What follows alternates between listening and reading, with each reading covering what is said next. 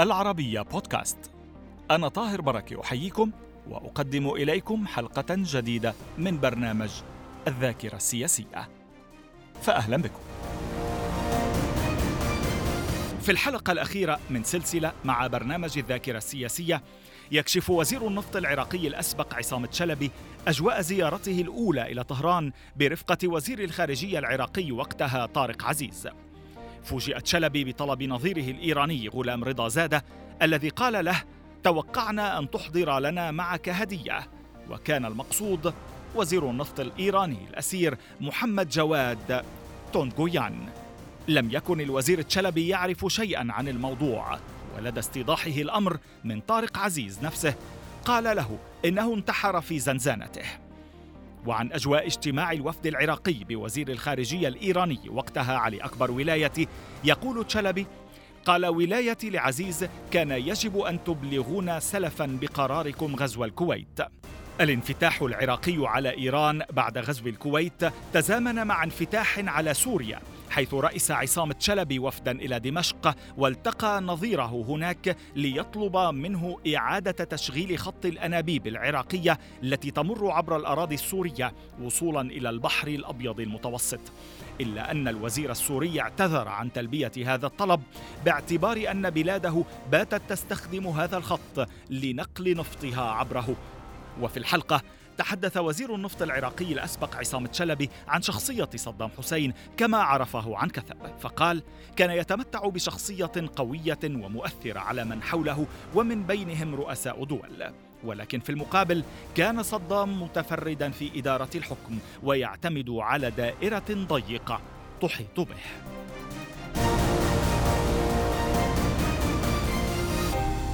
أهلا بكم معنا مجددا معالي الوزير. شكرا لانضمامكم إلينا.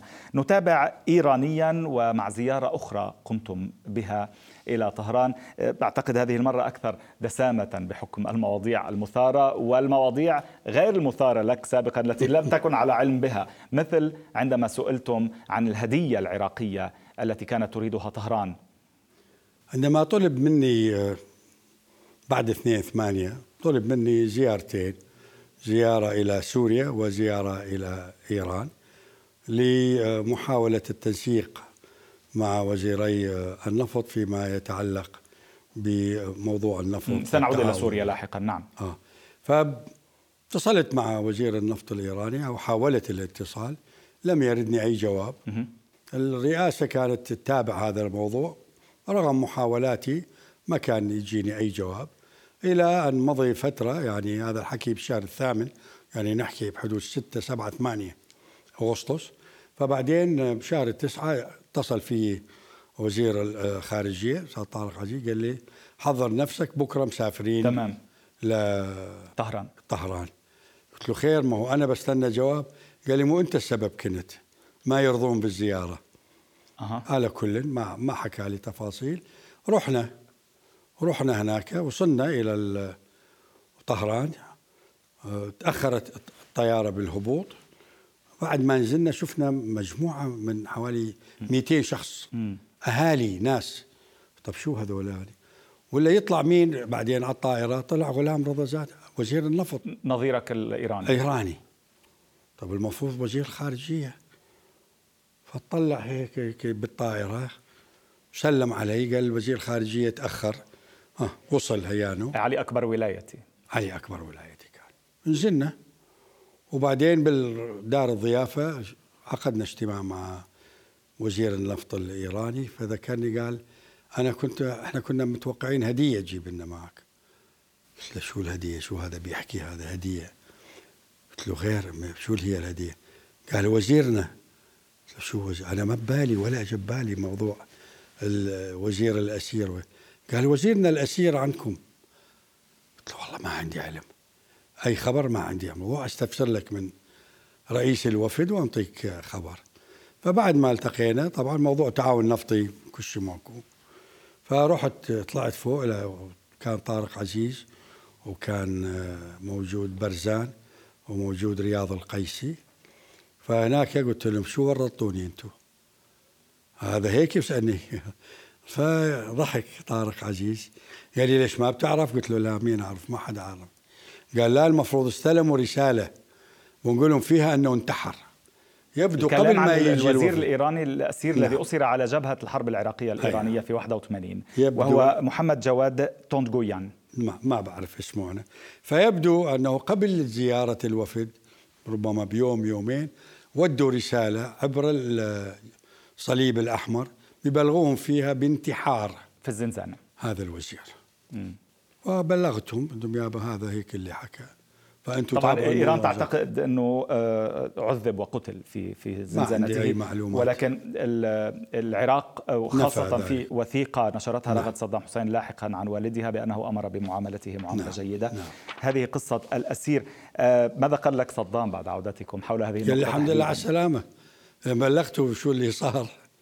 يعني أمام كان الاجتماع. ممكن كان ممكن يعني بعد الاجتماع حضرنا حضرنا قال لي ما ما ما خلوك عدهم امجين ما استضافوك. وحدة بوحدة يعني. وزير نفط بوزير النفط يعني كل شيء كان متوقع. ماذا قال علي أكبر ولاية لطارق عزيز نظيره العراقي؟ قال له يعني مثل صيغة عتاب أنتم كان مفروض تبلغونا بموضوع الوزير موضوع كمان؟ الغزير. الموضوع آسف. بموضوع الغزو. آه موضوع غزو الكويت. آه, آه لا لا موضوع الوزير ما أثير على مستوى رؤساء الوفدين ولا على مستوى رفسنجاني علي أكبر ولايتي كان يريد من العراق أن يبلغ إيران بغزو الكويت قبل أن يفعلها؟ أي نعم. أي نعم. فالطارق عزيز شرح الموضوع ذاك كان يسمع. بأي معنى؟ يعني هل كانت وصلت العلاقات بعد ثمان سنوات؟ ابدا نهائيا ما إلى هذه الدرجة؟ ونفس الشيء لما رحنا زرنا رفسنجاني كذلك ما ثار شيء. ولهذا أنا بقول لك أنه إيران لم تكن جدية أبدا لا سابقا ولا لاحقا لها أطماعها الخاصة. بس ما كنتوش تبالغوا بتخويف العالم العربي منها لبقائكم أنا أعتقد, نظامكم؟ أعتقد ما يجري حاليا على الساحة العراقية من نفوذ وسيطرة إيرانية دليل كبير على صحة الموقف العراقي بالثمانينات. الإيرانيين الآن مسيطرين سياسيا ومذهبيا وماديا ومن كل النواحي. كل الميليشيات الآن تابعة إلى إيران موجودة وأعتقد أنه العرب بدأوا يشعرون بهذا الشعور. في اليوم الثاني لغزو الكويت وهنا أنتقل من الملف الإيراني إلى السوري بلغت عبر رئيس ديوان الرئاسة أحمد حسين السامرائي بتوجيهات من الرئيس العراقي صدام حسين بوجوب الانفتاح على وزيرين أساسيين آه، نظرائك وزير على نظيريك يعني وزير النفط السوري والإيراني. نعم. يعني تحدثنا عن الإيراني بقي السوري وقد حددت بالفعل زيارة لك في الثامن من أغسطس عام 90 نعم. ماذا أراد صدام حسين من السوريين اللي كانت علاقاته معهم متوترة؟ طبعا يعني كانت مقطوعة. يعني بكل كانت مقطوعة بدليل أنه معروف أنه سوريا عام 82 آه، تحالفوا مع إيران, إيران وقطعوا آه، مرور النفط العراقي آه، عبر الأنابيب الممتدة إلى البحر الأبيض المتوسط. فكانت المحاولة هي لمحاولة استغلال هذا النفط هذا الأنبوب بنقل النفط العراقي من كركوك. باعتبار أنه ما عندنا أي وسيلة أخرى لنقل النفط العراقي عدا تركيا كان موجود هناك. فإحنا لم تكن لدينا علاقات فالتجأت إلى منظمة الأوابك بحيث أخذت عنوان الوزير السوري اتصلت فيه وحدد موقف موعد يوم 8 آه، أغسطس وذهبت إلى هناك. التقينا في الفندق وبعدين استمر بالوفد فني برئاسة آه، وكيل وزارة وأنا كان معي وفد من الفنيين. فشرحوا باعتبارات فنية أنه بعد تطور الإنتاج السوري للنفط فهم يستخدموا كامل الطاقة لخطوط الأنابيب لأغراض تصدير النفط السوري وبالتالي لا توجد لديهم أي إمكانية لتصدير النفط. كان ذلك حقيقي أو حجة أو ذريعة؟ هو فعلا يعني إنتاج النفط السوري وتصديره كان يصل إلى حد 700 ألف برميل في اليوم. بس ما كانش في نية حقيقية للمساعدة يعني. أبدا. بدليل أنه سوريا بعدين دخلت ضمن التحالف ضد العراق. طبعا طبعا يعني. بس هل كنت تتوقع أن تقبل؟ لا. الرئيس صدام كان يتوقع أن تقبل؟ محاولة. كيف عرفت ذلك؟ أنا من رجعت كان صدفة آنذاك ما سمي بالحكومة الكويتية المؤقتة. أه. كانوا متواجدين في أحد القصور. فأنا أيضا كالعادة بالعراق ببغداد. آه. كالعادة أخذوني من الطيارة ودوني هناك. حتى اللي يشوف الصور بعد ذيك المناسبة يشوف أنا الوحيد بالمدني. أها. كان كله لبس عسكري. كله لبس عسكري. أو ثوب عربي. والكويتيين لابسين ثوب العربي. فرحت هناك أو من نزل شافني. شو صار؟ قلت له هيك على السريع. قال كنت متوقع ذلك. أنا باعتقادي هو راد يعني آه، أقول لك خلي أحاول حتى لا ألام فيما بعد أنه ليش ما التجأت إلى العرب. لربما يعني ساعدت سوريا لأنه خاصة إيران كانت كمان أيضا. صارت بموقع مختلف. إيران أعطتهم كميات من النفط ومساعدات مالية لوقوفها مع إيران يعني.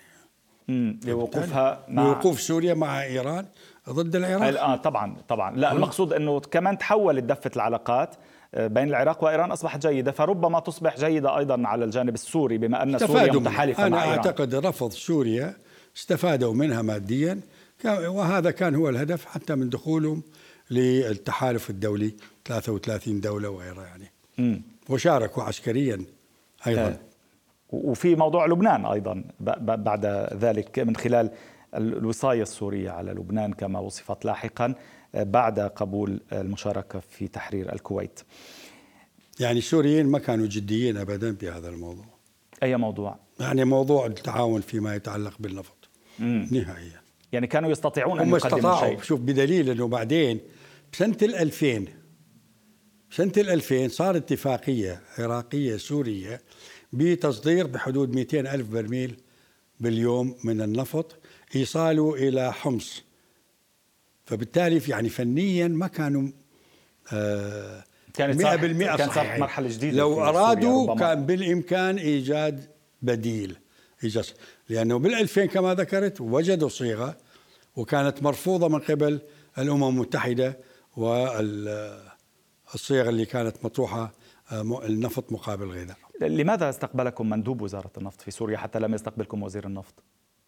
لا حضر وزير النفط. لاحقا. حضر وزير النفط نعم. يعني كانت العلاقة على المستوى الشخصي جيدة. شخصي جيد. كان رجل طيب يعني ما عندش.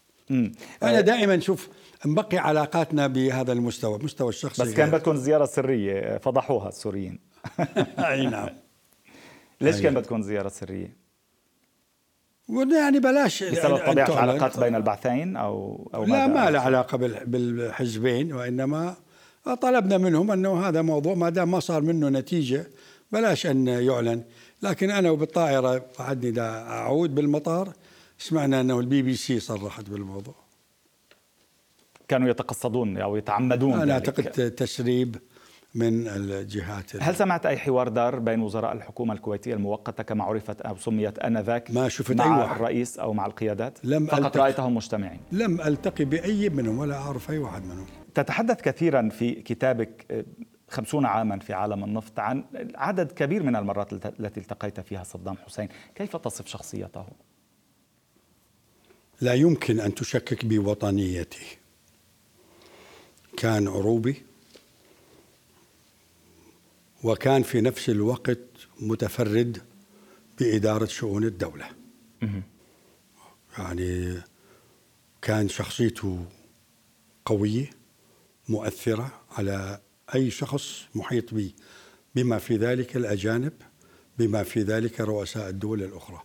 أنا حضرت يعني أكثر كذا لقاء وشفت كيف تصرفه يعني تصرفه مع الشعب تصرفه مع الوزراء تصرفه مع الآخرين. ولكن أنا اعتقادي أنه كان صح خطأ كان يعني مبعثه هو خلينا نقول عروبيا وعراقيا. مؤمن بالقضية الفلسطينية إيمان كبير إلى درجة يعني بحيث خلته يأخذ موقف في سنة آه، من ضرب إسرائيل نعم. بالصواريخ. ولكن أنا أعتقد أنه من الأخطاء اللي ارتكبها. أولا الانفرادية المطلقة في الحكم. اثنين بعدين زيادة الاعتماد على الدائرة الضيقة. أو الحلقة الضيقة سواء كانوا الولاء من, من الأولاد المطلق. سواء كانوا من الأولاد أو الأقارب. ولكن يعني الآن إذا تسأل أي عراقي؟ شوف لك مرات يعني حتى ناس بالمظاهرات. يقول لك أيهما أحسن؟ بيقول لك أنا سابقا كان رزقي مضمون دوائي مضمون مدارسي مضمونة. أنا الآن لا شيء ما عندي موجود. فتخليه يحن يعني حتى مع المساوئ اللي موجودة في السابق لكنه بيحن عليها يعني. هذه أنا باعتقادي أنه رجل بطريقته الخاصة أدى آه، دور غير قليل. كان ينكب بشكل شخصي على الملفات آه، على العمل على الملفات وتوقيعها ودراستها بشكل معمق أو كان يحيل كل شيء إلى المسؤولين؟ أنا أعتقد في البداية كان هو ينظر في كل الملفات. في اللقاء اللي حصل معه عندما عدت مع رسالة من رفسنجاني شفت على أمام بطاولة تبعه ملفات عديدة. فهو يعني قال لي أنت هسه تقول شو هاي الملفات مال الدولة؟ أمتى راح أحسمها أنا؟ قلت له الله يعينك. يعني ملفات كثيرة شيء قال لا. قال أنا هذه كل فترة آه، أطلب من مساعدي المقربين ثلاثة سكرتير الشخصي ورئيس الديوان وأعتقد حسين كامل أنه يعيدون ينظرون بها يبتون بما يمكن البت به والأشياء الصعبة بيرجعوا لي إياها. تمام. فبالتالي أعتقد قلت فترة اطلاعه بالذات بعد التسعين مع مر السنين ويقال وأنا يعني أنا 30 سنة برا يقال أنه في كلما قربت من 2003 واحتمالات الحرب وغزو الأمريكان أنه كان يعني يركز على قضايا دينية يبتعد عن القضايا آه، اليومية يعني اليومية. الملفات الملفات اليومية. نعم. آه شو قصة هروبك المزعوم كما تسميه في الكتاب؟ ما له صحة نهائيا ولا كانت أي محاولة مطلقا يعني لماذا يصدر خبر كهذا في في الإعلام؟ تعتمد يعني؟ هو مين اللي صدر هذا الخبر؟ من؟ من كان وراء ذلك؟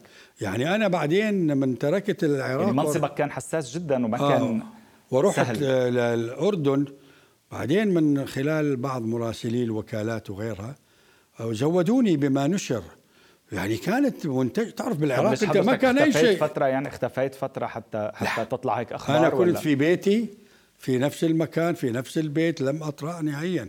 فقط يعني أكو كل كأي عراقي اللي راح لمزرعة صغيرة اللي راح في بيت صديق إلى آخره وإنما هروب لم يكن هناك أي هروب. الكلام كان وقتها عن هروبك عبر الحدود الشمالية إلى التركية. تركيا. أي نعم. مم.